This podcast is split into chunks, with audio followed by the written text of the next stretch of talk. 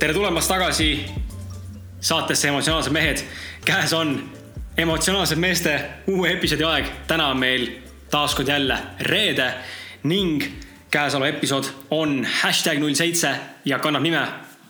no mul nime tegelikult välja mõeldud lindistamise hetkel ei olnud, aga, aga pealkirjast saate lugeda.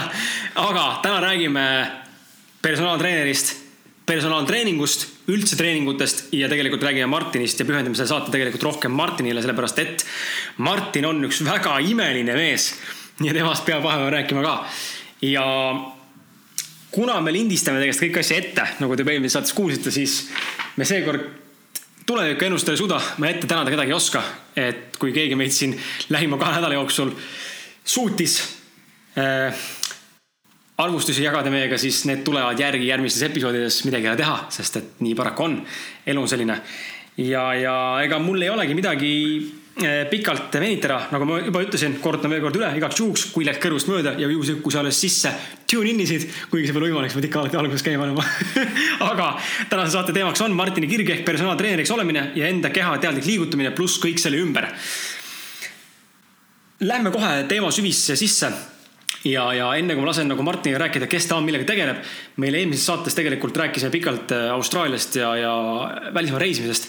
ma tegelikult äh, ei jõudnud Martinilt küsida ühte küsimust ja Martin tegelikult jäi ühele küsimusele vastamata ka, nii et alustame nendega. minu esimene küsimus äh, on tegelikult see, mis tegelikult peaks tulema pärast esimest küsimust, aga ma toon ettepoole, sellepärast et muidu me läheme tagasi jälle valesse konteksti. aga minu küsimus tegelikult on selline, Martin kas sa planeerid veel reisida? kindlasti, muidugi. On sul mingi kindel visioon ka äkki nagu olemas, et tahad kindlasti sellesse riiki minna nüüd siin lähiajal või no, okei okay,, praegu, praegu sa lähed äh, Barcelonasse, kui te praegu seda kuulete, seda saadet, siis tegelikult Martin on Barcelonas. aga.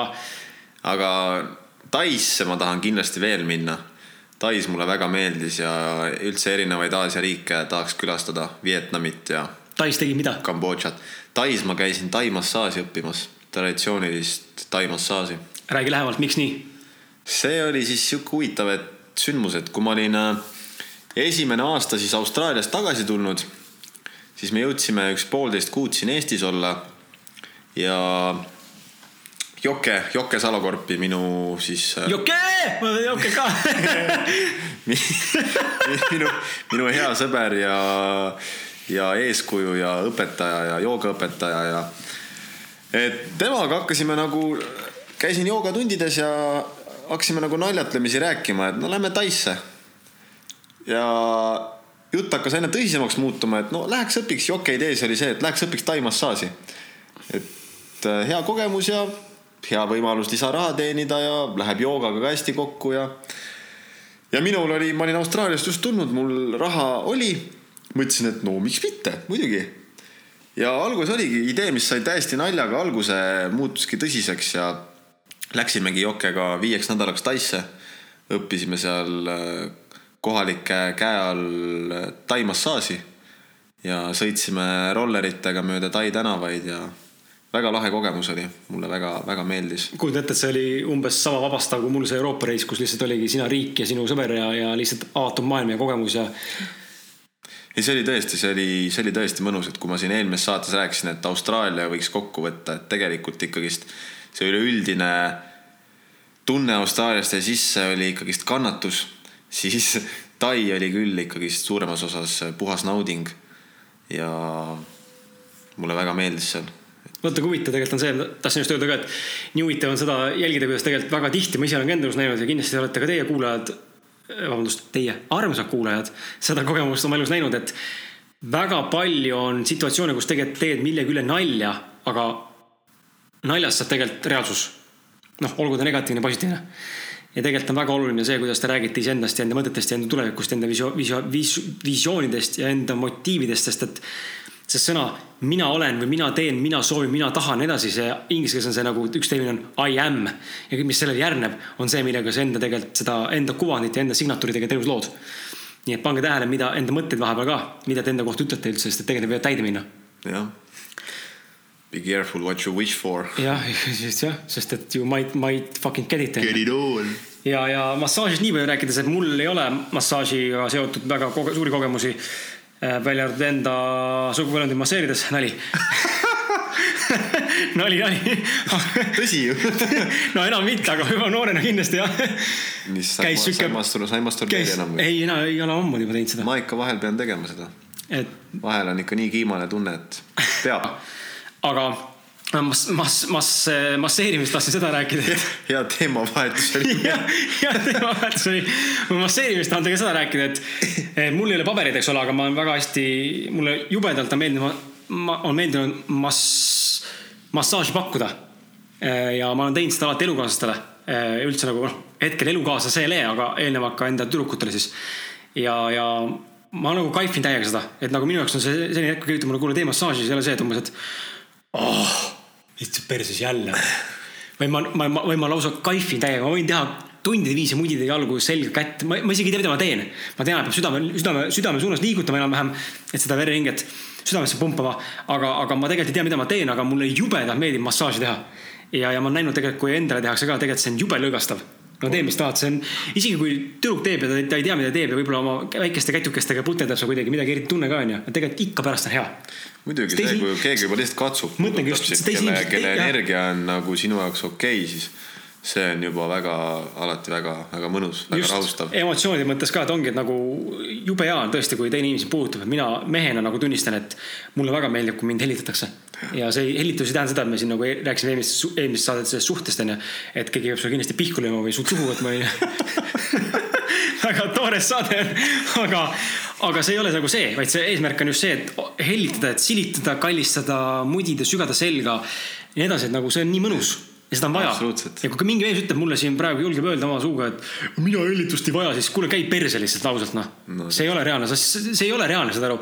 kellele ei meeldi, kui sind näpid, nagu kui sind puudutakse ilusti mõnusasti, see on nii mõnus. see tekitab kehas nii palju erinevaid nagu reageeringuid ju. ei, täpselt sama siin, mulle samamoodi, mulle meeldib, kui kui mind katsutakse, puudutatakse, kui tüdruk, äh, ma ei tea, mind masseerib, äh, katsub ja mulle meeldib ka mulle, mulle lihtsalt meeldib katsuda, mulle lihtsalt meeldib mudida, katsuda äh, massaaži teha, mas-, massaaži teha, pluss ma olen haige Pepu fanatt, mulle lihtsalt meeldib kanni, kanni mudida ja katsuda ja ma ei tea, hammustada ja süüa ja ma olen haige Pepu fanatt lihtsalt, ma, ma võikski jääda nagu mingi.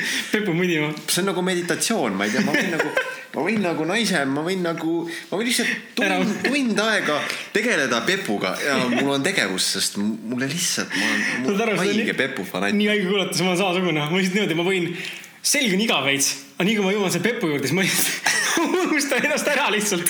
niimoodi, et naine ammu magab ja ma mutin ikka kannikat ühelt poolt teisele poole ja kuidagi teed seal eri liigutusi eri suunas ja nii põnev on endal lihtsalt, sa oled nii täiesti ja, nagu transis oled. ja ongi ja see no, no. täitsa ulme. aga see on vaata see ka kui nüüd minna veits seksuaalsemaks onju, et, et ütleme dissid ja, dissid ja kann onju. et kumb on olulisem, ma tean, et osadel meestel on nagu see, et noh, dissid peavad olema, aga no kann, see ei ole nii oluline. siis mina olen see, et no naine võib pesulaud olla, aga no kann võiks olla sihuke mõnus vormikas, et. mul on mõlemad vist balansis olema. nagu ma ei eelda, et peab nagu, ma ei ole see, kes eelistab seda suurt nagu suureks treenitud kanni nagu mõned, nagu mõnel naistel on et nagu on nagu hästi üles pumbatud niimoodi, et hästi sihuke nagu kuidagi hästi-hästi no niimoodi, et no ei, no see pole üldse reaalne noh. sihuke asi mulle ei meeldi, et ma pigem eelistan vist seda nagu loomulikku antud nagu seda pepu kuju, eks ole. aga rinnad näiteks on minu jaoks väga oluline asi, et see võiks ikkagi olla suurem, et või noh su, su, suuremad kui lihtsalt pesulaud, et. ideaalis muidugi. atraktiivsem rohkem ikkagi mingil määral ja tead, kusjuures meestel on niimoodi, et ma tean praegu küll saade personaaltreenerimist, aga aga kohe jõuame selleni ka. et aga tegelikult räägitakse, et see naiste rinnad eritavad mingit äh, asja, mida, mis mehi tõmbab. sellest ongi see, miks, miks mehed tahavad katsuda seda, miks see erutub. seal on mingi, mingi, mingi lõhnaine, mingi lõhnaise veeta, mida nagu noh, niimoodi nagu nuusutada ei tunne, eks ole, aga midagi pidi seal olema, mis seda erutab pluss, pluss come on, siis kui me ju olime lapsed, me ju veetsime kõik oma aja ema tissi otsas. loomulikult, võib-olla see on külge, et see on mingi haigus. sellega on ka mingi seos kindlasti et.... alaarenenud haigus tegelikult aga. aga oota, kus me jäime? tahtsime, lähme siis selle pers- personaaltreeneri poole peale rohkem üle ja tegelikult eelmises saates sellest Austraalias mainides, siis tegelikult Martinil jäi vastamata küsimus, et Martin, sa läksid tagasi Austraaliasse eh, pärast seda, kui meie olime Austraalias sinuga olnud, meie teed läksid Austraalias küll lahku tegelikult, me eelmises saates ei rääkinud, aga meie teed läksid lahku üsna kiiresti, äkki pooleteise kuuga, lagi kahe kuuga vist, siis me läksime eri suunas lihtsalt.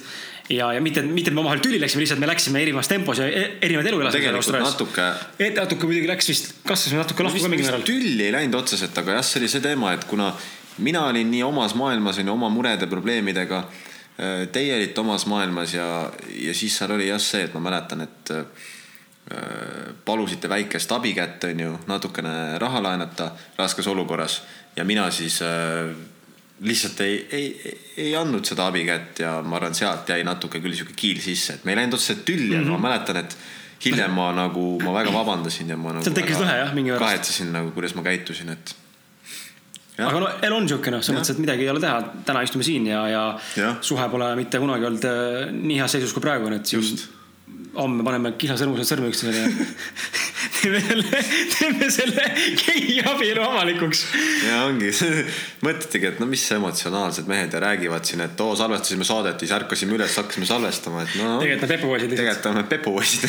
tegelikult on pepupoisid lihtsalt. aga Austraalia ehk siis miks äh, otsustasid tagasi minna ja ma tean, ma küsin kohe sellise suunaga, et äh, sa läksid sinna väga teadlikult ka tegelema iseenda ütleme, personaal, personaalse kehaga, enda keha, enda kehalise arenguga tegelikult Jah.. et räägi, miks sa läksid tagasi ja, ja kust äh, see asi liikus, mulle tundub, et sealt hakkas liikuma kõik sellesse, kuhu sa oled täna tegelikult ja, jõudnud. ja, ja joo, joo, joo, joo. ühesõnaga, mis mu elus siis toimus? toimus see, et äh, ma olin siin Eestis, ma töötasin äh, restoranis.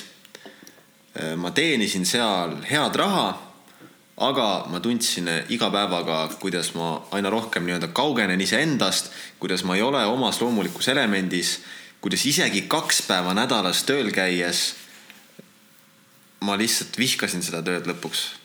ma ei suutnud leida selles klienditeenindus äh, kiire tempo, kiire tempoga inimeste teenindamine, inimeste aitamine, pidev naeratamine, kümme asja korraga vaja kogu aeg teha ja kas see naeratamine ei olnud tegelikult väga siiras ka tundub Jaa.? Sihuke võlts veits. ja muidugi oli päevi ja oli hetki, kus ma väga nautisin seda tööd, aga aga see ei olnud minu jaoks jätkusuutlik ja, ja ma tundsin, et ma olen omadega veidi ummikus, ma ei suuda samamoodi jätkata. ja ma olin ju peale esimest Austraalia aastat, ma olin taodelnud omale teise aasta viisa, sest et mul oli minna plaan tagasi, aga ma ei läinud. Aga viisa ju kehtib aasta aega mm, -hmm. nii et sul on aasta aega riik- alates viisa jah, on aasta aega aega riiki siseneda ja riigis, riiki sisenemise hetkest hakkab see viisa nii-öelda kehtima aasta otsa veel. just, just, just. ja ma mäletan, ma olin haiglakodus. järsku mul lihtsalt käis nagu mingi klõps peas, et hmm, mul on lennupileti raha olemas. Russell, mees, kelle juures me elasime, kellest ma rääkisin eelmises saates, kellest me rääkisime see kosmilise transi muusika kuulaja. jah, jah. Russelliga ma suhtlesin edasi, Russell sai üldse minu jaoks väga nii-öelda selles mõttes lähedaseks inimeseks, et ta oli mulle ka sihuke nagu eeskuju ja mingis mõttes nagu isa, isakuju. ja koht oli olemas, kuhu esialgu minna, peatuda. lennupileti raha oli olemas, viisa oli olemas.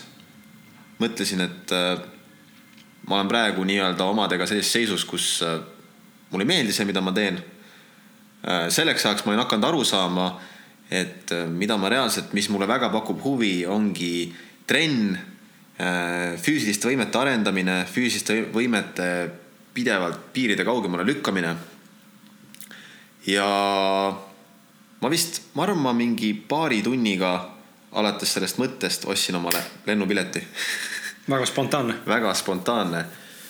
ja, ja läksingi sinna selleks, et äh, võtta aeg maha, elada seal džunglis jälle vihmametsas, teha seal trenni.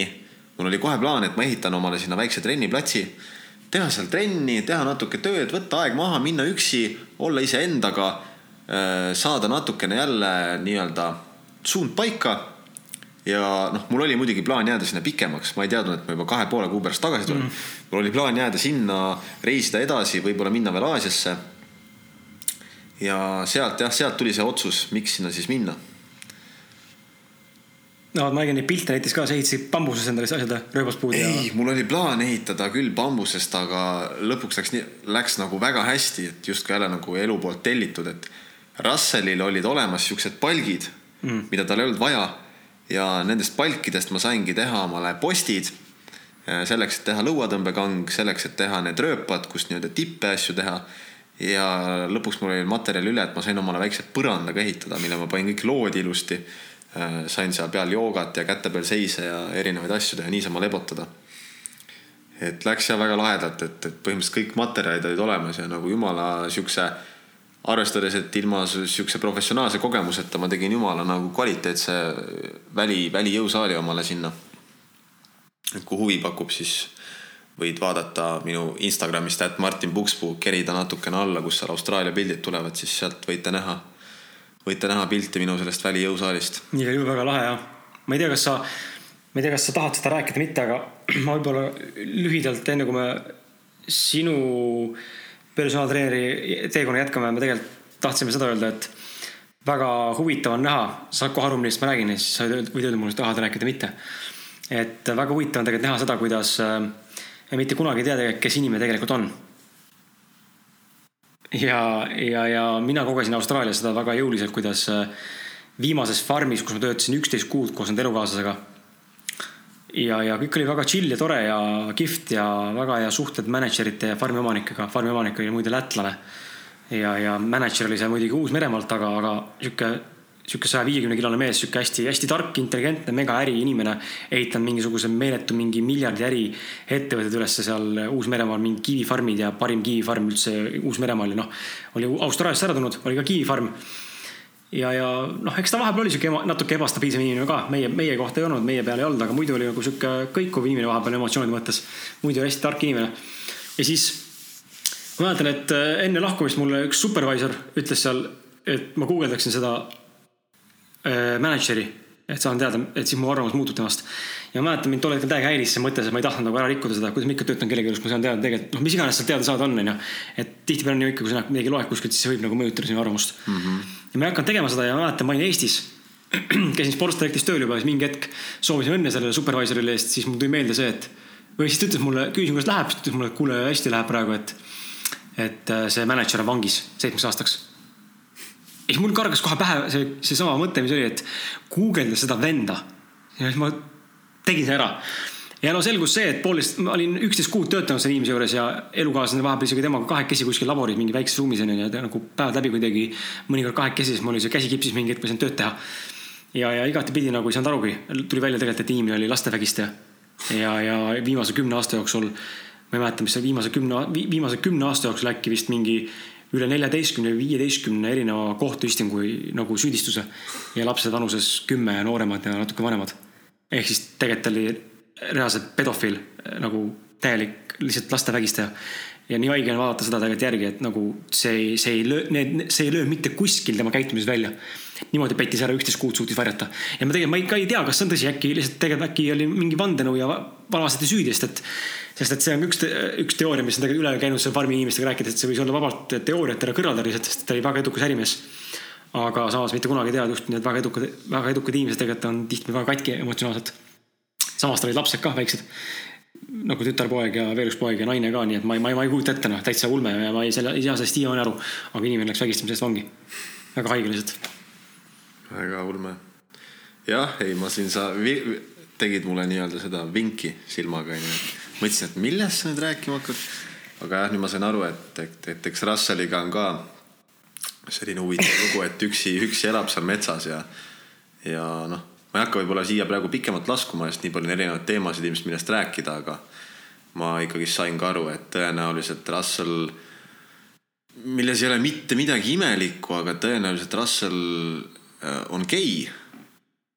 ja, ja selles ei ole midagi imelikku, aga, aga aga jah, ta ka kuidagi väga üritas seda varjata kogu aeg ja nagu ei tahtnud sellest rääkida ja eks nende, nende peres seal ka tema vend äh, pandi vangi ka mingi ahistamise ja vist kerge siukse pedofiilia süüdistuse eest ja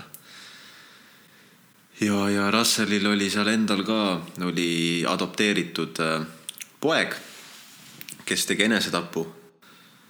Ja noh, eks igast, igast mõtteid ja teooriaid käis peast läbi ja ei tea, mis see nüüd tegelikult võis seal tõsi olla, aga Russell ise ka tegelikult väga katkisest perekonnast ja et noh, jah, sellesse ma ei taha laskuda praegu mm, -hmm. et ma ei tea, vaata, ei taha lihtsalt spekuleerida. aga ma tahtsin just, et sa tooksid selle pointi välja nagu. aga et... see oli noh, küll üsna tõenäoline, et ikkagist gei ta tegelikult äh, oli, sest et noh, seal oli nii palju lihtsalt asju, mis viitas sellele, et aga ja... see oli ka huvitav, sest et mul ei ole tõrna aimugi, onju mm. -hmm ja ka alles nagu teist korda seal Austraalias siis olles Russelliga kahekesi, alles siis ma nagu hakkasin kuidagi otsi omavahel kokku viima, et kõik nagu mingid asjad tunduvad nagu kahtlased, et vot. see on täitsa haige jah. Aga lähme edasi Martiniga, et Martin rääkis siin trennis, kus sai alguse kirja, eks ole, tõmbame uuesti kokku, et äh, käis Tais, õppis seal Tai massaaži koos enda siis äh, joogaõpetajaga, kellest on saanud tänaseks päevaks hea sõber. noh, oli tollel ajal juba ka, mina tean joket natukene äh, tänu joogale, kuhu Martin mind kunagi kutsus Ashtanga joogasse, mis oli tegelikult väga lahe kogemus. et jooga oli kindlasti minu jaoks väga huvitav eneseavastuslik või nagu enda keha tundmaõppimise periood. kestis küll vähe, aga tegelikult oli kihvt ja tore ja, ja sealt edasi siis Martin hakkas rohkem tegelema ka Austraalias enda kehakaalutreeningutega ja ma tahangi jõuda selleni, et äh, kes sa siis tänaseks oled ja, ja millega sa tegeled ja siis hakkame lahti rullima, kuidas sa siia tegelikult jõudsid? kes ma tänaseks olen, no raha teenin hetkel inimeste treenimisega. treenin inimesi nii personaalselt äh, jõusaalis kui ka rühmatrenne tehes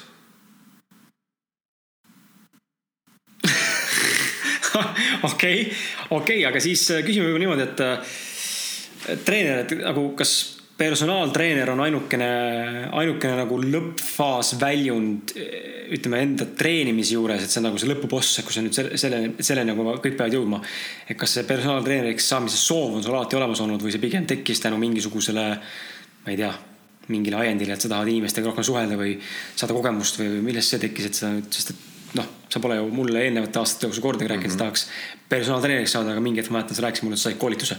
ja, ei pigem see personaaltreeneri töö on ikkagist, ma arvan, niisugune abinõu nagu mingi suurema eesmärgi nimel, sest et noh, loogiline, et mul ei ole olnud kunagi seda unistust, et ma tahan nüüd töötada personaaltreenerina või, või üldse treenerina et aga, aga kuna ma hakkasin jah, mingi hetk siis aru saama, ütleme siis natukene enne, enne viimast korda Austraaliasse minekut hakkasin aru saama, et mulle tegelikult see treeningute teema jubedalt pakub huvi ja mind on üldse väiksest saati tõmmanud selline enese liigutamine ja enese nii-öelda proovile panemine just selles füüsilises mastaabis. kehalises kasvatuses üle, üle kitse hüppamine oli viis, jah? jah, kindlasti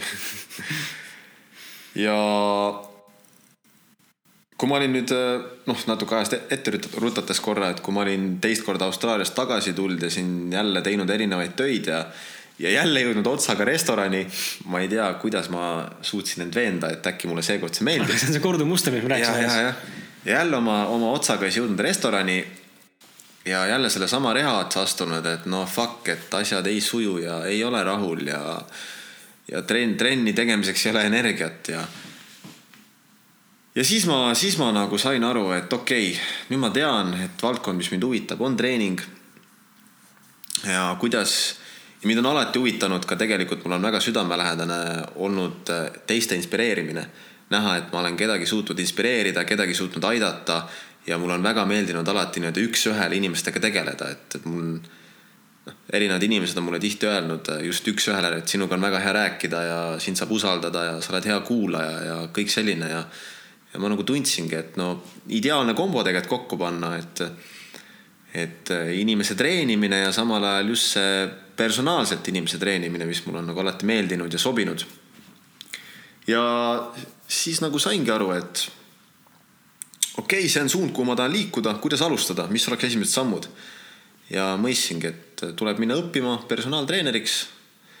ja sealt siis juba vaatab edasi, et et noh, ma usun, ma usun, et see personaaltreeneriks olemine ei ole nüüd kindlasti see nii-öelda lõppasi, mida ma soovin siin teha kuni, kuni kõrge, kõrge eani onju, aga praeguses, praeguses eluetapis on ta nii-öelda kindlasti minu jaoks hea viis, kuidas nii-öelda ennast üles ehitada ja, ja kõvasti kogemust saada ja, ja sealt juba vaatab edasi mm. -hmm.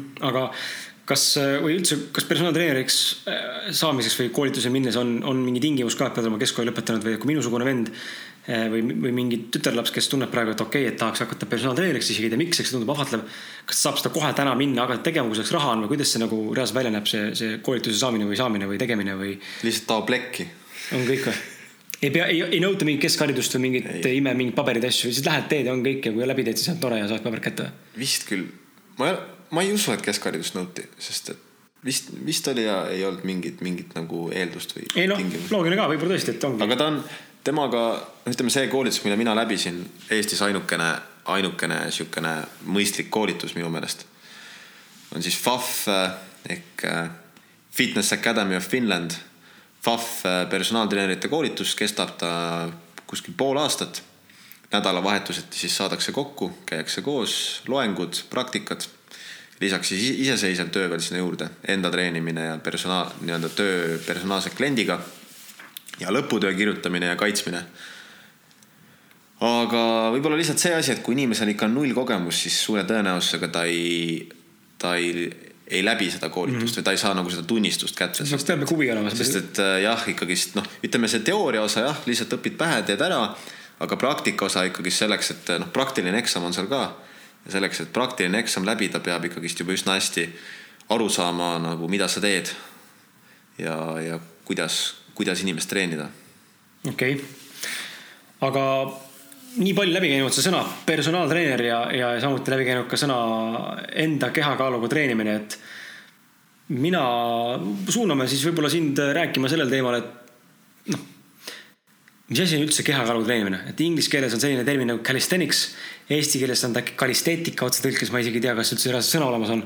ei ole tegelikult. vist ei ole, on ju, see on vist kuskilt oma, oma tuletatud sõna mingi välismaa, välismaalisest sõnast, eks ole, aga mis asi on siis, äh, ütleme, see torutrenn või kehakaaluga treenimine? kalisteetika, minu meelest see on, sest ise ma ka mõtlesin, et sellist sõna ei ole, aga tegelikult ju võiks vabalt tuletada. ütleme, ütleme kalisteetika, nimetame siis praegu episoodis seda kalisteetikaks, see on siis torudel treenimine, enda keha, kehakaaluga treenimine aga.... isegi mitte torudel, vaid pigem, okei okay,, ütleme inglise keeles sõna calisthenics tuleb siis äh, vana kreekakeelsetest sõnadest äh, kalos ja stenos.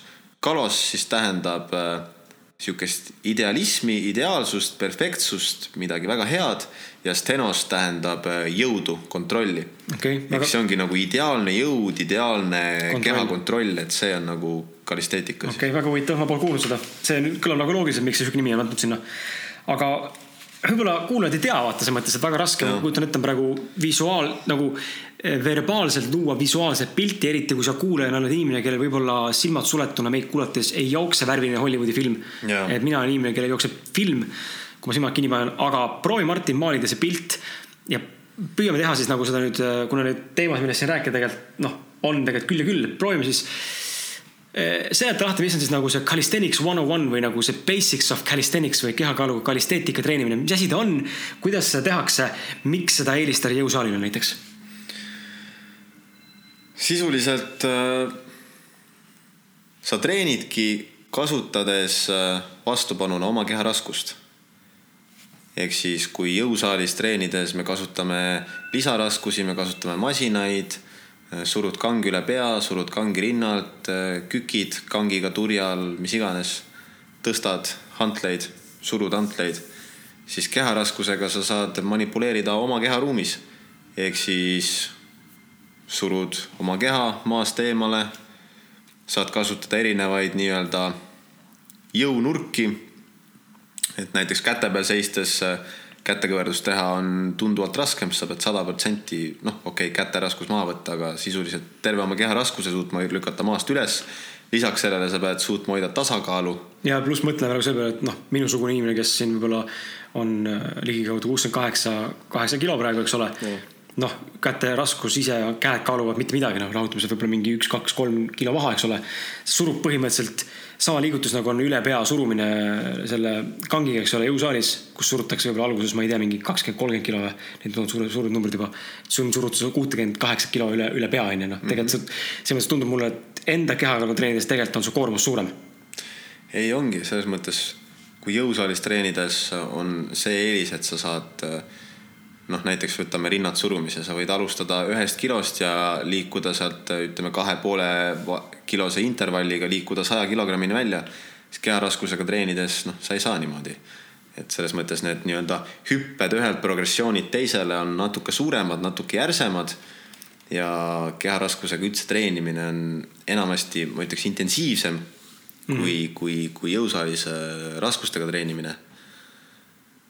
Kuna just äh, on juures pidevalt see tasakaalu säilitamise komponent, koordinatsioon, see, et äh, mitmed erinevad lihasgrupid peavad samal ajal koos tegema tööd. ühed lihasgrupid teevad põhiliigutust, on nii-öelda siis põhitöö tegijad, teised lihasgrupid aitavad säilitada tasakaalu, stabiliseerida seda liigutust. sa mõtled praegu konkreetselt mingite harjutuste juures on ju, mitte? ja ja, ja näiteks tehes kätekõverdusi, näiteks tehes lõuatõmbeid. et see teeb nagu sellest kehakaaluga treenimisest palju, palju intensiivsema, intensiivsema treeningust. aga too näide juurde siia, ma mäletan, käisime sinuga Poolamäe pargis seda ühte tundi andmas. tähendab, sina andsid, ma, mul õnnestus pealt näha seda, et oli näha väga palju inimesi, tegelikult isegi ei tea seda, kui küsid, isegi, isegi kui küsida inimesed, kes nagu oli näha, et ta on trenni teinud varem, siis tegelikult ta ei saanud aru, mis lihased töötavad lõuatõmbeid tehes, et sa ütlesid, et töötab põhilihased, kui ma teen kätekaid, mis lihased mul töötavad peamiselt ja mis on need, mis aitavad siis nagu omakorda tagataustal nii-öelda veel töötada? kätekõverdusi tehes põhitöö lihasteks ehk siis nii-öelda see termin on siis agonist. On siis äh, suur rinnalihas ja triitseps ja õla esikülg õla esimene, esimene pool siis. Need on siis, mis teevad seal põhitööd. ja need lisa, lisa toetavad lihased, mis töötavad ka samal ajal näiteks on? noh, toetavad lihased on äh, näiteks siis kere, kõhulihased äh,. tuhar ka või? tuhar on sihuke võib-olla rohkem äh, stabiliseeriv lihas. võib-olla isegi veidi eksin, et ütleme, rinnalihas on siis see põhitööd tegev ja triitseps on tegelikult juba toetav nii-öelda nii-öelda siis toetav, ta teeb siis nagu koormuse mõttes vähem tööd kui rinnalihas. ütleme õla, õla esikülg on siis juba selline ka pigem toetav lihas mm. -hmm. ja siis on äh, jah, stabiliseerivad lihased. okei okay.. mis on siis põhimõtteliselt terve keha töötab tegelikult, et stabilisee-, stabiliseerida kogu seda, kogu seda liigutust, et eks mul on ka palju õppida, arendada veel mm. -hmm et siin võib minna nii, nii, nii süvitsi nende teemadega. absoluutselt ah., et äh, aga võib-olla küsiks siis, küsime siis võib-olla niimoodi, et äh, mm, nojah, mu enda kogemus, mõtlen selle peale, et trenni mõttes, et tõesti noh, ma näen ise ka, ma olen nüüd, ma olen, olen saanud nagu selles mõttes proovida päris mitu korda kahel kahel korral olen suutnud elus võtta kätte ja treenida enda kehakaaluga väga tõsiselt. hetkel üks on see periood praegu, mis ma praegu teen ja siin ma näen, et mul on, olen saavutanud enda jaoks nagu täiesti uue taseme, aga, aga ja samal ajal olen ühe korra elus proovinud tõsiselt teha jõusaali. ja ma näen, et seal on täiesti kardinaalselt nagu erinevad, noh, lihased töötavad ja erinevad. mulle tundub, et võib-olla ma kasutan valesti praegu terminit, aga mulle tundub, et enda kehakaaluga treenides sul töötavad väga palju erinevaid siukseid kiud või nagu siuksed kiud, pisilihased, mis muidu nagu tegelikult võib-olla nagu niimoodi koormust või vatti ei saa ja välja ei tule. kui näiteks jõusalijõus, kus sa teed väga kindlat mingit lihasgruppi. et tänu sellele, et nagu sa ütlesid ka, et töötavad need põhilihased ja samal ajal nagu toetavad lihased. siis tänu sellele, et on neid lihasgruppe korraga töös mingi harjutuse juures väga palju. siis tundub, et tegelikult keha nagu areneb väga mitmes ja laias suunas ka läbi nagu sisemiste ja kuidagi nagu teistsuguste lihaste nagu joogaski. et töötavad hoopis teised lihased et äh, vastab see tõele või mitte? no. nii-kuivõrd. jah, selles mõttes ma, mina ka, ma tunnistan, mul on ju, ma olen nii vähe seda alles teinud, ma alles, ma lõpetasin selle personaaltreeneri koolituse alles ju sügisel, vist äkki oktoobris või. ja nii vähe olen alles seda tööd teinud, et mul on tohutult veel õppida, areneda, mul on väga palju äh, ka näiteks anatoomia, anatoomiast õppida, mul on väga palju füsioloogiast õppida inimese biomehaanikast, äh, kõigest aga ütleme niimoodi lihtsalt üritades niimoodi talupoja mõistusega seda selgitada, kuna ma ei hakka end tegema targemaks, kui ma olen, onju, siis äh, äh, noh, võtamegi näite, võtame mingisuguse näiteks äh, rinnalt surumise ja võrdleme seda nüüd siin näiteks siis kätekõverdusega. et äh, kui rinnalt surudes äh, sa lamad seal selle pingi peal ja põhiliselt nüüd, kuidas seda enamik inimesed teevad, noh, siin on ka jälle see on ju, saab ka, ka seda tehes nii-öelda pingestada kogu oma mm. keha. naljakas, et mul on käed praegu nii ees, nagu ma hakkaks rinnad suruma aga niimoodi inimene seletabki aga ühesõnaga, kuidas enamik inimesi seda teevad, no tegelikult kogu keha on suhteliselt lõdva ja töötab äh, siis see rind äh, ja käed teevad tööd. ülejäänud keha on tegelikult suhteliselt lõdva. Mis tähendab seda, et äh, töötavad lihased töötavad, lihaskiud tõmbuvad kokku, pikenevad. lihased, lihased teevad tööd, ühesõnaga.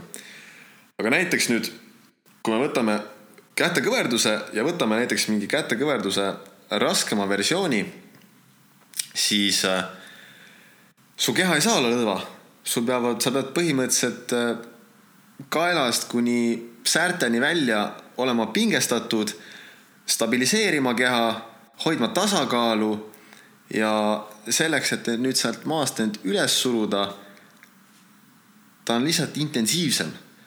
nii-öelda, kui me kujutame ette, et on lihases on lihaskiud, siis kui võib-olla rinnad surudes teevad sul ole, oletame, lihtsalt oletame, ma nüüd kui keegi targem minust seda kuuleb, ärge pahandage, aga oletame, kui mingi kuuskümmend protsenti lihaskiudisid teeb tööd, siis näiteks nüüd seda intensiivset kätekõverdust tees, sul teeb võib-olla üheksakümmend protsenti lihaskiududest tööd.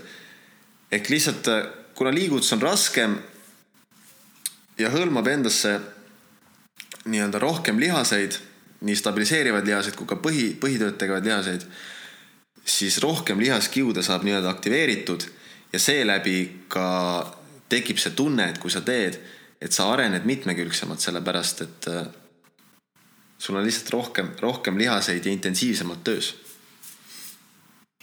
okei okay,, kõlab loogiliselt. saite aru ka või, kuulajad kui ei saanud aru, siis pane Facebooki meile kohe kirja, Martin, palun edasta mõned videod. ja me võime panna ka mõned videod üles vabalt äh, koos selle saatega, mõned videod juurde sinna kui, kui, kui äh, tahate teada saada midagi paremat, näidata, näha, kuidas see asi tegelikult välja näeb. Küsiks võib-olla sihukest klassikalist küsimust, et vaata, sa rääkisid enne ka, et kui oluline tegelikult on äh, õige vorm ja, ja üleüldse enda keha kontroll. millised on tüüpvead, mis sa näed inimeste puhul? oh issand, ma arvan, sinna ei ole mõtet laskuda, siis läheb juba liiga, liiga treeningspetsiifiliseks. no väga basic ult, no mis sa näed nagu, et inimesed. ei ole huvitav kuulata inimestel too no,, too üks välja näiteks noh. Ei kontrollita kõhulihaseid, nii-öelda kere ei kontrollita, kere vajub läbi, kas siis liiga alla, liiga ülesse. õlgu ei viida õigesse positsiooni. kätekõverdusi näiteks tehes küünarnukid vajuvad välja. ma arvan tõesti, sinna ei ole mõtet laskuda praegu okei okay,, võtame siis. põhiline ongi see, et inimene üritab alati kõige lihtsamalt läbi saada.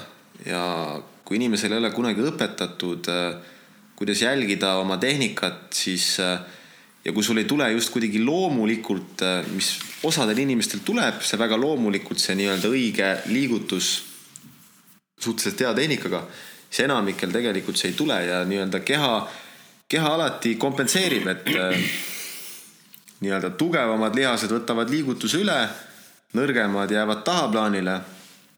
ja noh, põhi, põhivead inimestel ongi see, et lihtsalt kompenseeritakse, tehakse harjutus enda jaoks lihtsamalt, lihtsamaks nii-öelda tehnika arvelt. hea, et sa seda mainisid, sest et praegu mõtlen selle peale, et tegelikult elus on tegelikult samamoodi ju, me väga tihti, ma arvan, et üks üheksakümmend viis protsendi ulatuses tähendab üheksakümne viie protsendi ulatuses tegelikult elus üritame iga päev ära kulgeda või ära elada niimoodi, et me teeksime võimalikult vähe asju, mis on meie mugavustsoonist väljas. inimene kardab seda mugavustsoonis väljas olevat tsooni või ala, kus tegelikult on see eureka ja saad selle championship'i karikast, et tegelikult seal on areng ja seal on võit. aga ometi me seda ei tee ja valime alati lihtsama tee. me valime alati turvalisema ja tuntud tee ja, ja teatud tee. Endale teatud siis nagu tuntud tee ja, ja tegelikult see on äh, täitsa, täitsa huvitav nagu kuulata kõrvalt, et tegelikult see samamoodi kandub üle ka treeningusse, et inimene teeb pigem seda, mis on juba mugav ja mis on kerge, aga mis tegelikult enam tulemust ammu juba ei too. minu enda kogemus on tegelikult sama, ma nägin seda nüüd, noh, nüüd, nüüd hiljuti, kui äh, üle pika aja Martiniga kokku saime, siis Martin nägi nagu minu puhul, mis, mis võib-olla on need tugevamad pooled ja mis on nõrgemad pooled ja ma nägin, et sain nagu aru tegelikult sellest ka, et ma tegelikult ammu sain sellest aru, aga, aga ei teinud ise neid samme, sest ma ei tahtnud tunnistada vist seda. aga Martin näiteks nägin, et, et kuna mu rind on veidi rohkem äh, arenenud kui selg, siis see on veidi tugevam, siis paratamatult ma tegelikult tegin äh, suhteliselt mõttetult neid liigutusi juba, et noh, seal ei olnud mitte midagi, mida võtta. et oleks, oli, oli, oli nagu ammu aeg juba hakata palju kõvemini ja palju raskemaid võib-olla liigutusi nii-öelda praktiseerima. trenni koha pealt on tõesti huvitav mõelda seda, et Martin läks Austraaliasse, nagu ma saate alguses rääkisime, läks Austraaliasse, sealt sai tema teekond alguse. et ma enda kogemuse poolelt võib-olla jagan nii palju, et ka minul sai tegelikult suurem trenni, kehakaalutreeningu vastu ehk siis selle kalisteetika vastu huvi tõusis just Austraalias pärast seda, kui ma olin songa operatsiooni läbinud ja olin hakanud uuesti tööl käima ja vaikselt taastunud ja mulle öeldi, võin hakata vaikselt nagu ennast liigutama. siis mul sattus, sattus kuidagi üht, sattusin mingi workout'i peale, mingi tol ajal mingi max workout, mingi, mingi vend, kes oma naisega tegi mingit, noh, mingit workout plaani, müüsin netis ja ostsin tema selle. tegin mingit high intensity'd ehk siis väga kiirelt, kuidas see eesti keeles on high intensity, väga äh, kõrge intensiivsusega või jah, kõrge intensiivsusega intervalltreening. et, et põhimõtteliselt puhkepausi polnud ja harjutus harjutuse järel ja kuidagi hästi sihuke rap-, kuidagi tundus tagantjärele praegu vaatan, see oli täiesti sihuke mõttetu rapsimine lihtsalt. ja, ja ma mäletan, mulle ei meeldinud eriti, aga seal majas, kus me elasime, tulid järjest inimesed, kes tegelesid mingite sportidega meil tuli naine, kes oli tegelenud paar aastat vanem meist, mängis käsipalli, nagu minagi noorena mängisin käsipalli, aga oli näiteks äh, füsioterapeut samamoodi. ja kuidagi tulid inimesed, kes on tegelenud tai-poksiga, olid seal mingid Brasiilia jiu-jitsu poisid, seal tuli tai-poksi vennad juurde onju ja meil tekkis sihuke trennikollektiiv, hakkasime trenni tegema, lõpuks tuli sihuke üks kutt juurde, kes oli personaaltreener nagu Martingi, üks soomlane. ja ta tegi ka kehakaaluga treeningut, oli nagu sellele baseerunud. kuigi noh, jõus oli kõvasti teinud, aga, aga selles mõttes armastas kehakaaluga liikumist. ja tema nagu vaimustas mind meeletult nagu, et mis asja inimene liigub, liigutab oma keha niimoodi nagu, et täitsa perses onju, et ma tahan ka. ja tema järelevalve all ma hakkasin õppima ja mäletan, ta õpetas ka mulle kogu aeg seda, kuidas enda neid nagu et kui ma teen kätekõverdusi või lõuatõmbeid, siis tegelikult oleks hoida ka kõhulihasid pinges, muid lihasid samamoodi kontrollitud, et terve see keha oleks kontrollitud. mitte, et kuskilt alakeha ripub kuidagi, ma ei tea, mingi nurga all ja samal ajal mingi muu lihas töötab, onju. ja mäletan, minul toimus seal esimene suurem nagu areng ja sealt ma sain selle nagu pisiku külge, et, et ma nägin väga hästi, kuidas, kuidas oma kehakaaluga treenimine tegelikult tuli nii kaal juurde kui ka keha eh, füsioloogiliselt nii-öelda füüsilisel tasandil nagu muutus täielikult. ja, ja väga lahe oli nagu näha seda tulemust ja tegelikult sama tulemus on praegu nüüd kus ma ei ole elus mitte kunagi nii palju kaalunud, kui kaalun praegu. ja, ja tegelikult äh, ma ei jälgi ei toitumist, ma ei, ma teen lihtsalt regulaarset trenni äh, Martini juhendamisel nii-öelda ja, ja üritan olla järjepidev oma tegemistes. loomulikult sada protsenti järjepidev ei ole, ikka tulevad väiksed apsakad sisse ja jääb midagi tegemata, aga üldiselt ma näen, et progress on nii kõrge nagu ja suur olnud praegu, et ma näen nagu enda kehas uusi lihasid, mida pole varem üldse tähele pannudki. ja on nagu hästi lahe näha tegelikult, et et äh, kuna ma olen saanud eelmistel aastatel ka jõusaali pool aastat või nagu natukene pool aastat tõsiselt teinud, siis noh, ma näen kahe väga erineva treeninguvormi nagu tulemusi ja pean tunnistama, et kehakaaluga treening toimib minu jaoks nagu palju paremini mm. -hmm. aga kas see on nagu tõsi või? selles mõttes me oleme siin võib-olla rääkinud teemal, aga võib-olla mõnda inimest huvitab, et kas see on nagu tõsi, et teatud treening sobib teatud inimesele rohkem kui teisele või pigem on see, et see on ikkagi kättevõtmise asi? no kindlasti, see on ju samamoodi nagu me oleme kõik erinevad, me oleme kõik nii-öelda erinevalt seadistatud nii-öelda erinevate setting utega.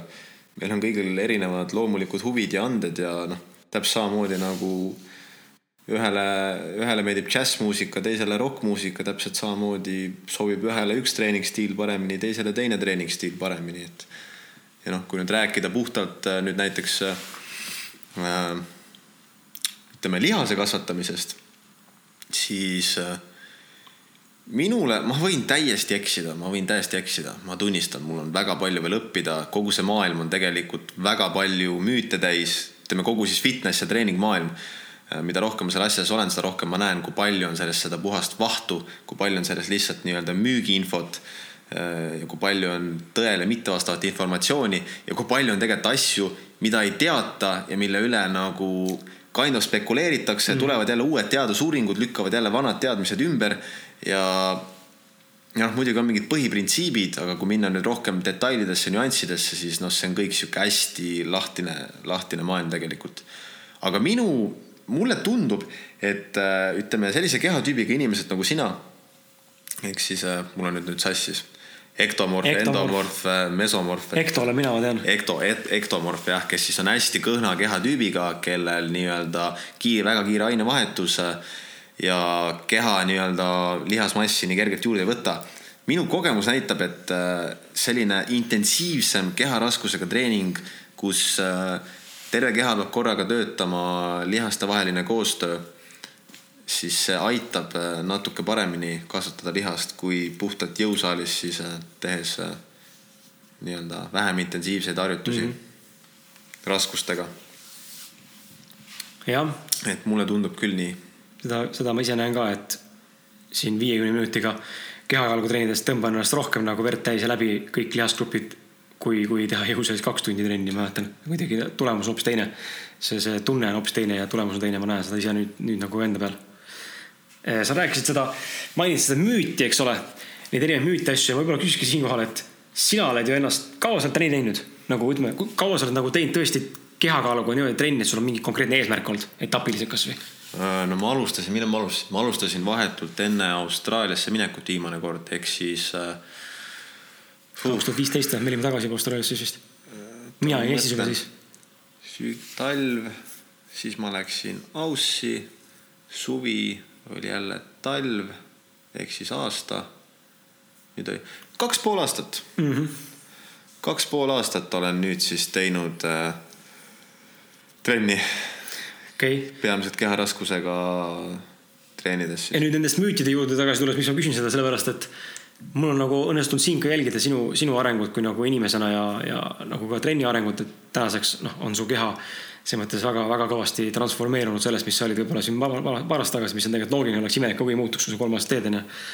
et äh, aga kindel on, noh, fakt on see, et ma ei ole ka mingi trennispetsialist ja kaugel sellest, et minul on trenn pigem ei ole nagu kirg nagu Martinil on, mina pigem teen seda asja, ütleme siis nagu nii-öelda vägisi, mulle küll meeldib, aga mul ei ole ta kirg mm. -hmm.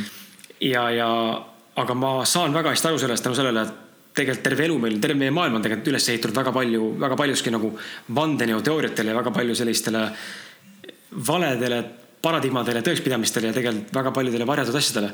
siis ma tegelikult näen, kuidas tegelikult täpselt samamoodi, nii nagu on meditsiin, on sõjavägi, on muud asjad, on tegelikult ka see eh, nii-öelda nagu sports industry või nagu kogu see nutrition tööstus, eks ole, on väga suur äri tegelikult, miljardi ja miljardite, noh, triljonite äri.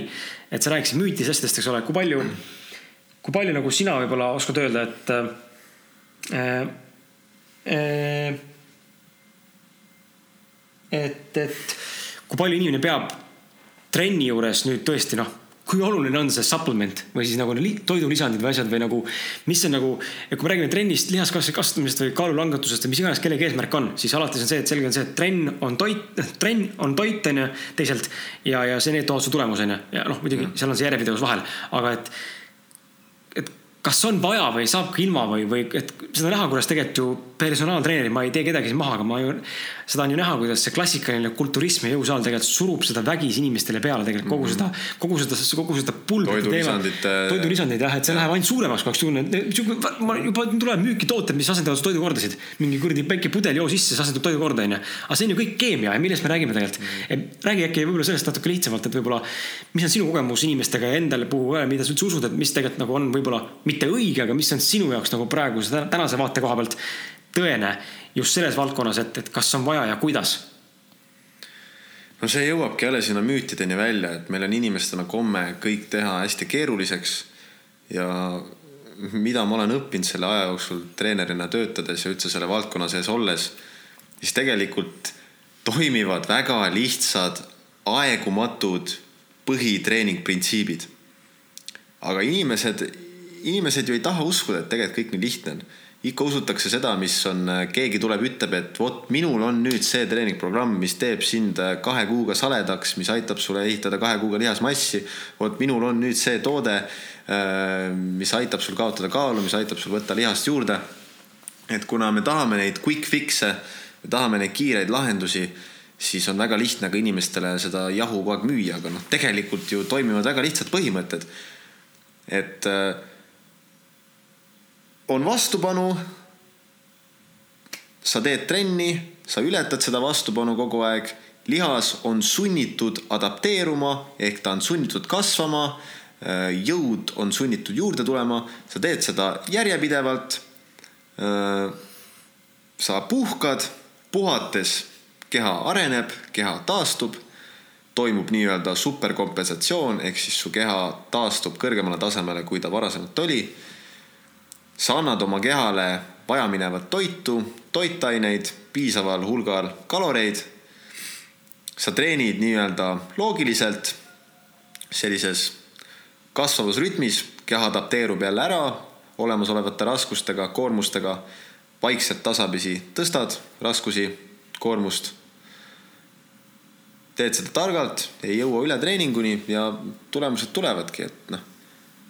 Kõik on selles mõttes tegelikult nagu lihtne, aga noh, keegi ei taha ju seda tunnistada, et noh, ma pean järjepidevalt võib-olla tegema mitu aastat trenni selleks, et reaalselt näha tulemusi, kõik tahavad tulemusi näha kuu ajaga. mis on nagu igas valdkonnas, eks ole. ja seetõttu ma arvan, ongi nii lihtne neid müüa, kõiki neid äh, toidulisandeid, sest et noh Nad pakuvad seda quick fix'i nii-öelda. Nad pakuvadki quick fix'i, aga tegelikult ei ole mingit quick fix'i, sellepärast et inimene on loodud sööma puhast, vähetöödeldud toitu. inimene on loodud sööma puuvilju, juurvilju, liha üle. vahepeal ma olin veendunud, et inimene ei ole liha sööma, enam ma ei ole selles nii kindel. ma arvan, et see on natukene ikkagist piirkonniti ja indiviiditi erinev.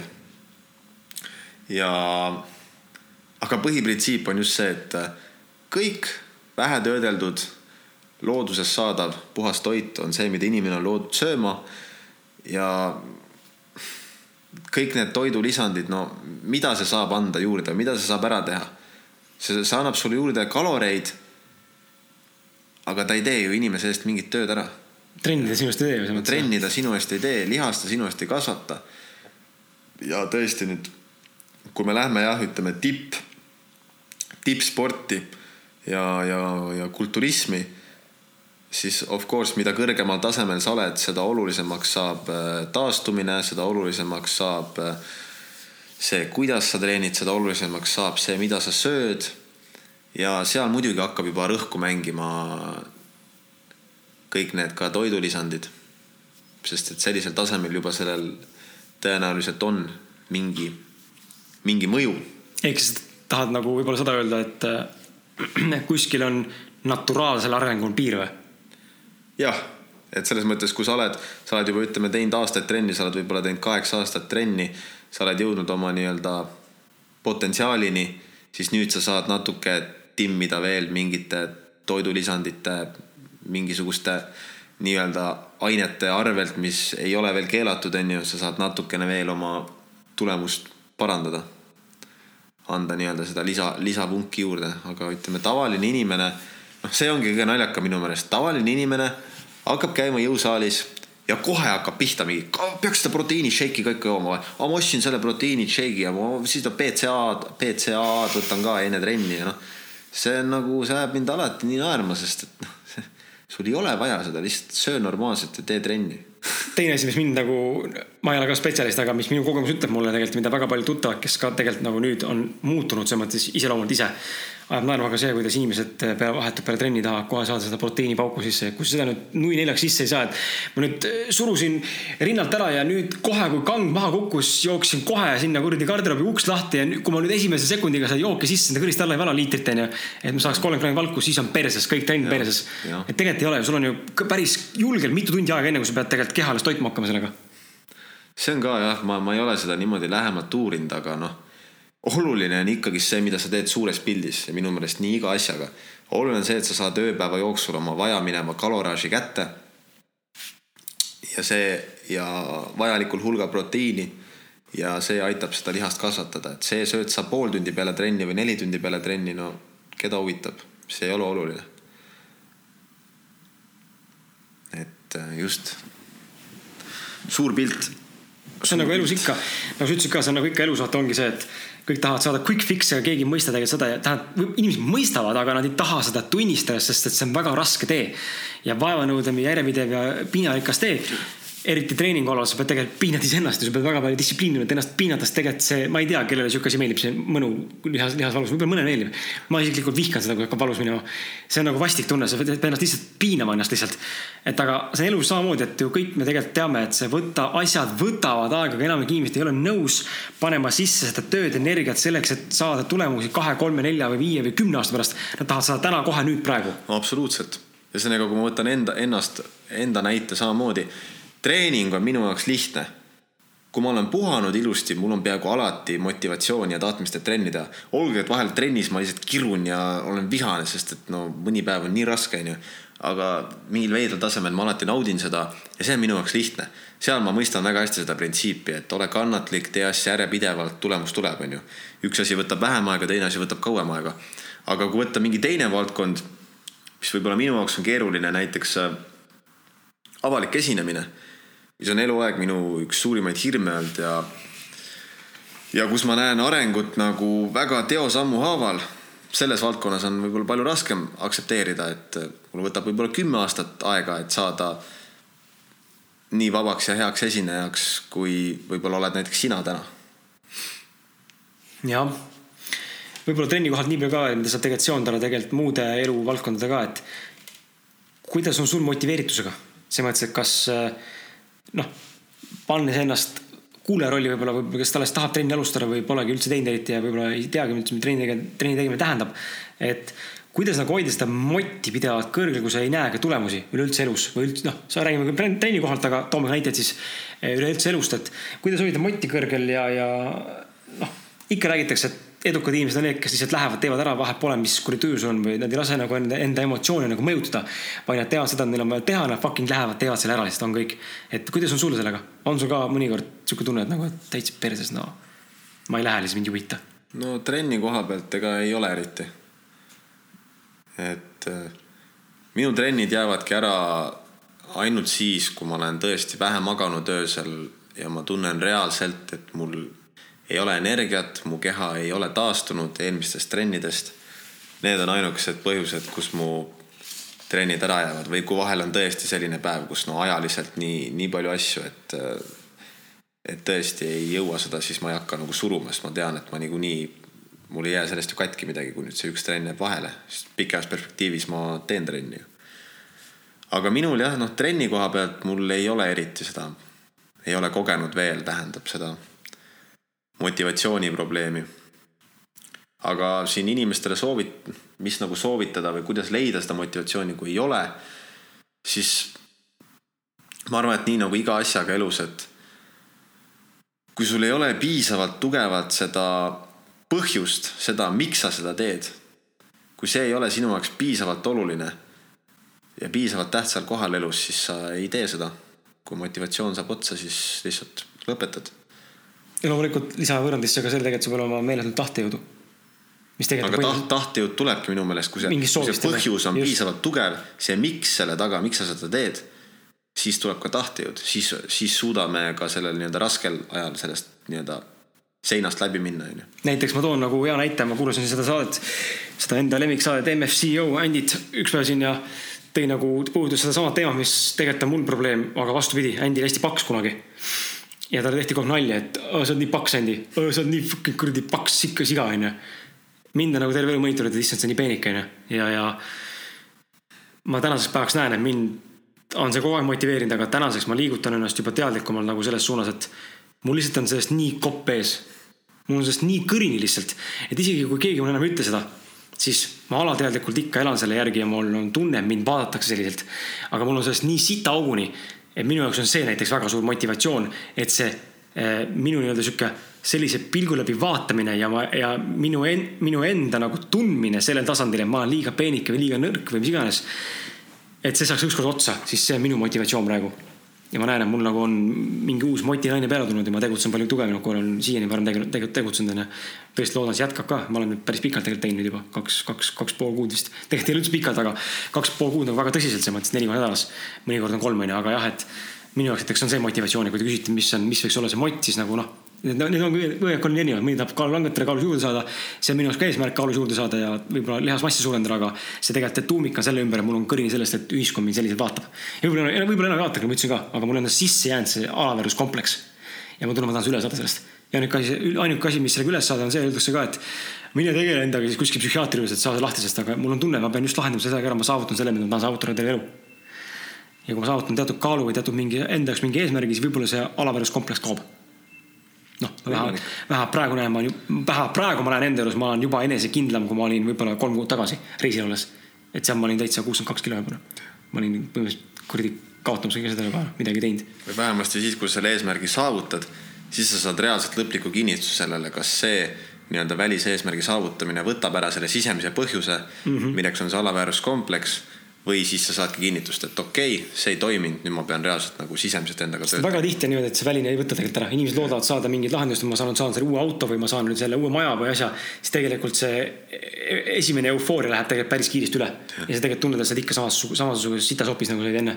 et väga tihti tegelikult on need probleemid ikkagi sisemised, nagu me oleme rääkinud siin, emotsionaalsed ja tundepõhised ja, ja on tegelikult ikkagi mingid kompleksid ja hirmud, mis tegelikult tulevad esile kuidagi läbi mingite soovide. aga kuidas sa suhtud, küsin küsimuse sulle, kuidas sa suhtud klientidesse, kas klient on sinu jaoks raha, raha, raha või pigem kogemus saada kogemust inimestega ja sotsiaalsem olla? no nii, kui ma hakkan kliente nägema sellena, et raha, raha, raha, siis ma ei tee enam kvaliteeti. ja mul oli ka üks, ma siin vahepeal tegin siukse sellise nagu, siis väikse nagu, kuidas öelda, ma ei leia sõnu ühesõnaga tegin siukse väikse konkurssi. jagasin seal oma personaaltreeneri lehel ka, et, et loosin välja loosimise, loosimine jah, see ongi sõna tegin konkurssi, tegin loosimise ja loosisin välja kuu aega ehk kaks korda nädalas kaheksa personaaltreeningut tasuta. ja see neiu, keda ma siis treenisin, kes need võitis ma ikkagist märkasin, et jaa, kohati kohati ma nagu just võib-olla enne trenni tundsin seda, et ah, ma ei saa ju raha selle eest, onju. aga tegelikult, olles juba teda treenides reaalselt, olles tegevuse sees, ma ikkagist märkasin, kuidas äh, ma nautisin seda. kuidas mind ikkagist motiveeris näha, kuidas inimene areneb, näiteks tema käte peal seis arenes selle kaheksa nädalaga päris palju. ja samamoodi arenesid tema kükid, kadus ära siukene värin ja ebastabiilsus äh, lihaste vahel, see muutus tunduvalt paremaks. Äh, tema lõuatõmbed paranesid. muidugi siis lõuatõmbed siukse masina peal, kus masin nagu aitab sind kaasa tõsta. ja noh, lihtsalt näha, kuidas see, et ma treenin inimest, sellest on reaalselt kasu, tulemused tulevad ja näha inimese näost, kui ta seisab käte peal ilma seinata mitu sekundit ja tuleb käte pealt alla ja ta näos on sihuke üllatus ja siukene nagu elevus, et vau wow!, nagu oh, onju, et midagi uut.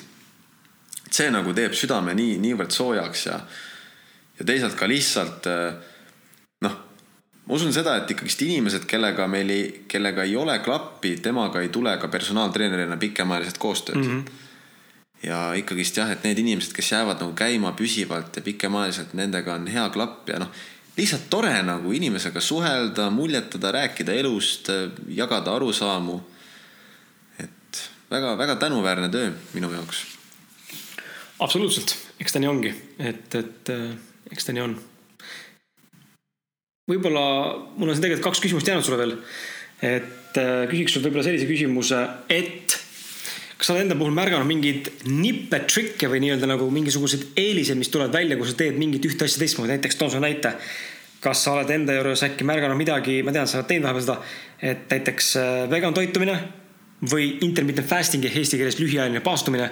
et kas sa oled näinud mingeid tulemusi, mis nagu need väiksed, väiksed nagu nii-öelda, et kui me räägime toidulisanditest, siis aga samal ajal me räägime ka tegelikult nagu kõrvalistest nagu elementidest või mingitest tegevuskavadest, mis nagu toetavad mingit arengut või soosivad mingi asja nagu eelistust või mingit, mingit teket. et kas sa oskad äkki siit välja tuua midagi, mis sa oled näinud enda pealt, et oh, et tõesti tundsin ennast kergemana või nagu kaal langes või rasva protsent äh, läks vähemaks või mis iganes muud veel, et või jõudu tekkis juurde või, või jõudu vastupidi kadus mm. -hmm no ma olin, ma söön tänagi, ma söön tegelikult ikkagi suuremat jaolt taimset toitu. väga harva, kui ma mingit liha söön, siis ka, kui siis enamasti kanaliha. kala ma söön veidi tihedamalt, muna ka veidi tihedamalt, aga olen ka olnud täitsa mingi periood täitsa vegan. vist paar kuud olin täitsa, täitsa katsetasin, täitsa vegan.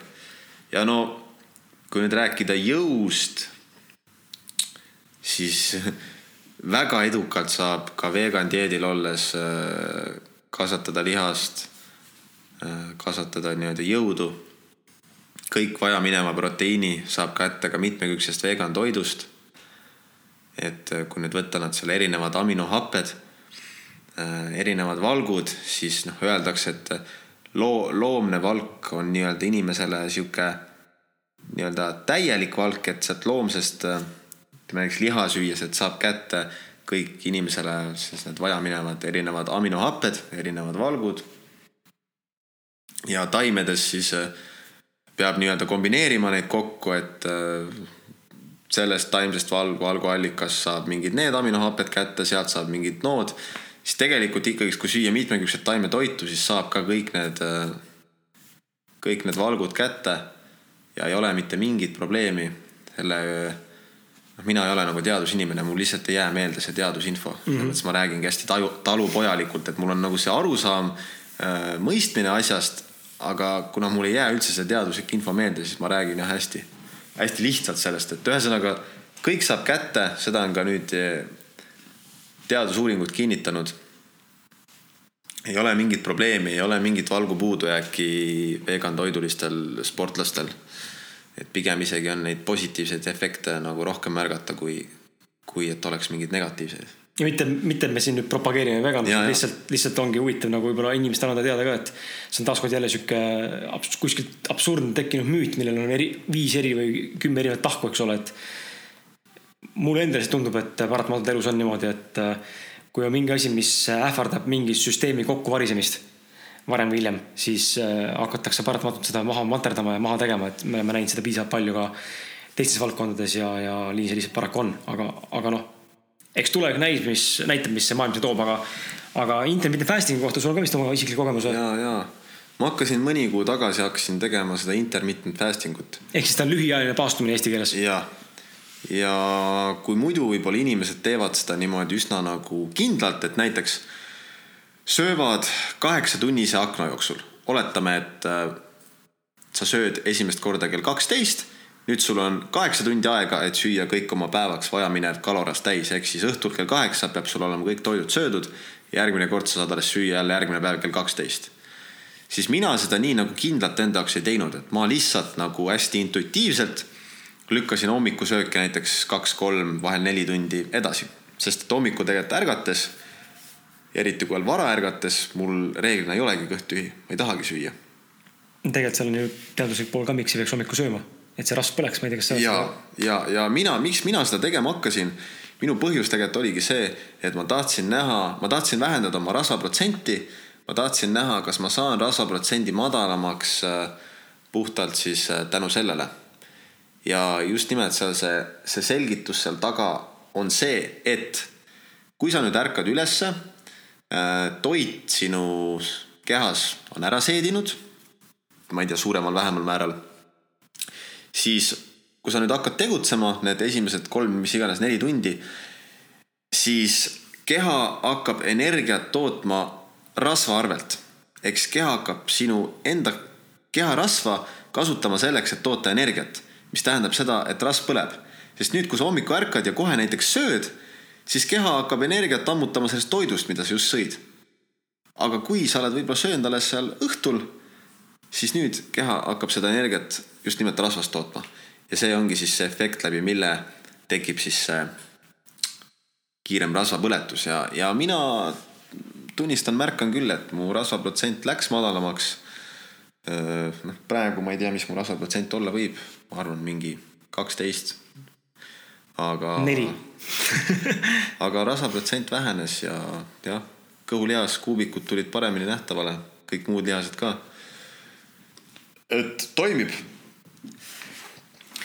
just ja ma ise mäletan ka selle intermittent fasting koha pealt, et lühiajalise paastumise koha pealt tõesti seda ka, et et öeldakse, et seal on see kaheksa tundi, kaheksa tundi läheb aega selleks, et su keha suudaks lahti saada sellest suhkrust, mis on sisse tulnud kehale. mis selle insuliini tegelikult lakke lükkab, et iga kord, kui midagi sööd, siis igas toidus on tegelikult suhkur. suhkur lükkab meie insuliini nii-öelda uuesti lakke ja sealt tulenevalt hakata uuesti seda nii-öelda insuliini hävitama, aga kui sa iga kolme tunni tagant endale kogu aeg süüa, siis tegelikult see insuliin on kogu aeg laes sul. ja keha saabki tarbida ainult seda, mis sul kehas nagu on, ehk siis seda insul-, seda suhkurt ja nii-öelda süskarit. aga, aga reaalselt keha saab minna rasva kallale alles siis, kui on kaheksa tundi oled söömata, et see on vist kaheksa-üheksa tundi, see on see kriitiline piir, kus hakkab keha, saab see varu otsa nii-öelda ja siis on kehal võimalik võtta nagu seda nii-öelda seda eluenergiat mingi muu äh, nagu see toidu või energia arvelt, noh nagu ütlesidki rasvalt. ja see on see, kus hakkab rasv põlema kui sa veel paned trenni veel otsa samamoodi, siis pidi veel topelt põletama.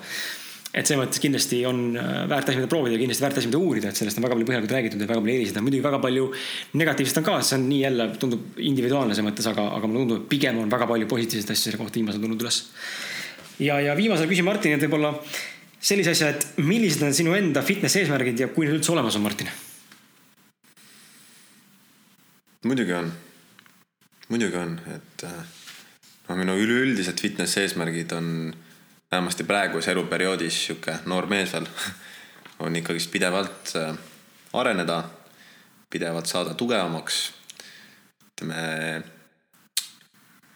lihaskasvu ma niivõrd ei aja taga, kuivõrd siis võib-olla lihaste, ütleme. toonuste, niisugust nagu välja. vormimist, väljatoomist on ju siit-sealt rohkem. et kuna mul õnneks olen geneetiliselt üsna nii-öelda õnnistatud, siis äh, selle treeningu käigus, mida ma teen, väga edukalt need lihased ka välja tulevad aga jah, niimoodi ekstra nüüd äh, lihaskasvu selle nimel ma ei treeni. ja noh, mis mu eesmärgid on, ühe käega lõuatõmme, äh, käte peal seistes mingi viis käte kõverdust suuta järjest teha. ühe käe, ühe käe peal käte seisimine? ei, ei ah,, ühe käe peal kätel seis muidugi mm,. siis on sihuke asi nagu front lever, kes teavad, teavad, kui ei tea, võid guugeldada, Youtube'i panna sisuliselt sa hoiad siis, hoiad kangist kinni ja tõstad oma keha, tikksirge keha, tõstad nii-öelda horisontaali. ja hoiad. ja hoiad, et sihuke element. siis on veel sihuke element nagu planche, mis siis tähendab, et kui. põhimõtteliselt sama asi, aga vastupidi no.. jah, kui front leveris sa ripud kangi küljes ja hoiad oma keha sirgete kätega horisontaalselt, siis front leveris sa Planchis. oled maas ja surud sirgete kätega end maast eemale ja surud oma keha horisontaali väga-väga rasked, väga rasked elemendid ja. jah, ja noh, kindlasti sihuke üleüldine koordinatsioon, tasakaal, et tahaks suuta üldse sujuvamalt äh, liikuda ruumis, sujuvamalt äh, nii-öelda mängida oma kehaga mm. -hmm. väga lahe äh,. Tõmbame saate kokku, küsin, äh, räägi võib-olla seda, kus sind leida saab. Leida saab mind äh, Instagramis, at Martin Pukspuu, seal on põhiliselt äh, siis treeningualane, treeningualased postitused. Facebookis personaaltreener Martin Pukspuu, isiklik Facebook lihtsalt Martin Pukspuu ja koduleht on mul www.martinpukspuu.ee kas äh, seal on kirjas ka sinu tunnihinnad või kuidas nendega on näost näkku rääkimine individuaalselt või pigem? tunnihinnad ja pigem näost näkku, et kuna ma töötan nii-öelda kahe klubi all siis mõlemas klubis on erinevad hinnad mm. -hmm. et seetõttu ma ei taha neid ka sinna nii-öelda kodulehele välja panna, et võib-olla lihtsalt ei oleks klubide suhtes aus, et, et seda saab jah näost, näost näkku rääkida. arusaadav. ja, ja ega midagi, kui teile selles mõttes, et tänaseks on saade läbi ja tõesti loodan, et saite siit natuke vastuseid. Äh, kes on meie Martin, üks saatejuhtidest ja millega tegeleb ja mis on tema unistused võib-olla just nagu selles enda kirevaldkonnas, milleks on tõesti treenimine ja inimeste aitamine, inimeste motiveerimine ja, ja just läbi nagu treeningu nii-öelda treeneri või nagu üldse nagu kehakaaluga liikumise, üldse liikumise poole pealt. ja, ja loodan, et saite mõtteid ka, kuidas ise alustada, kas alustada, mida eelistada, mida mitte eelistada. ja kui on lisaküsimusi, siis inimesed võivad vabalt kirjutada sulle onju. muidugi, alati aitan hea meelega. ja, ja tulge kindlasti trenni Martinile, Martin on minu, minu meelest on Martin, tahtsin juba saate alguses öelda ka, et Martin minu meelest on inimene, kes on võtnud äh, ja läinud tegelikult noh, tal on nagu ütleb ka ise, tal on väga palju õppida veel, aga ma näen, et tegelikult ta on inimene, kes ütleme siin siukse kümne aasta pärast on kindlasti väga süviti sellesse niimoodi sisse läinud, et ta suudab sulle ära seletada ka väga võib-olla teaduslikult mingi, igast mingid peenasjad, mida tegelikult peaks teadma. mida väga paljud, mida ma tegelikult näen, mida väga paljud personaaltreenerid praegu veel tegelikult absoluutselt ei tea ja üldse ei keskendu ka.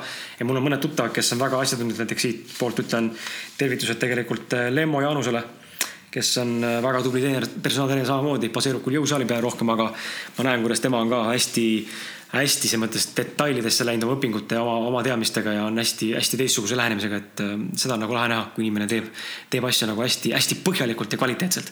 ja sinus ma näen, Martin, sama asja, et sa praegu juba oled, aga kõva areng on olemas veel ja, ja siin viie aasta pärast kindlasti näeme, kus sa omadega oled kindlasti oled sa ju samuti nagu minagi, et äh, mina olen järgmise põlvkonna kirjanik, sa oled järgmise põlvkonna personaaltreener, see on selge noh, et tulevik on sinu aga jaa, meid emotsionaalsed mehed leiate at äh, Instagramis at emotsionaalsed mehed, Facebookist emotsionaalsed mehed ja me oleme SoundCloudis ja iTunesis samuti leitavad.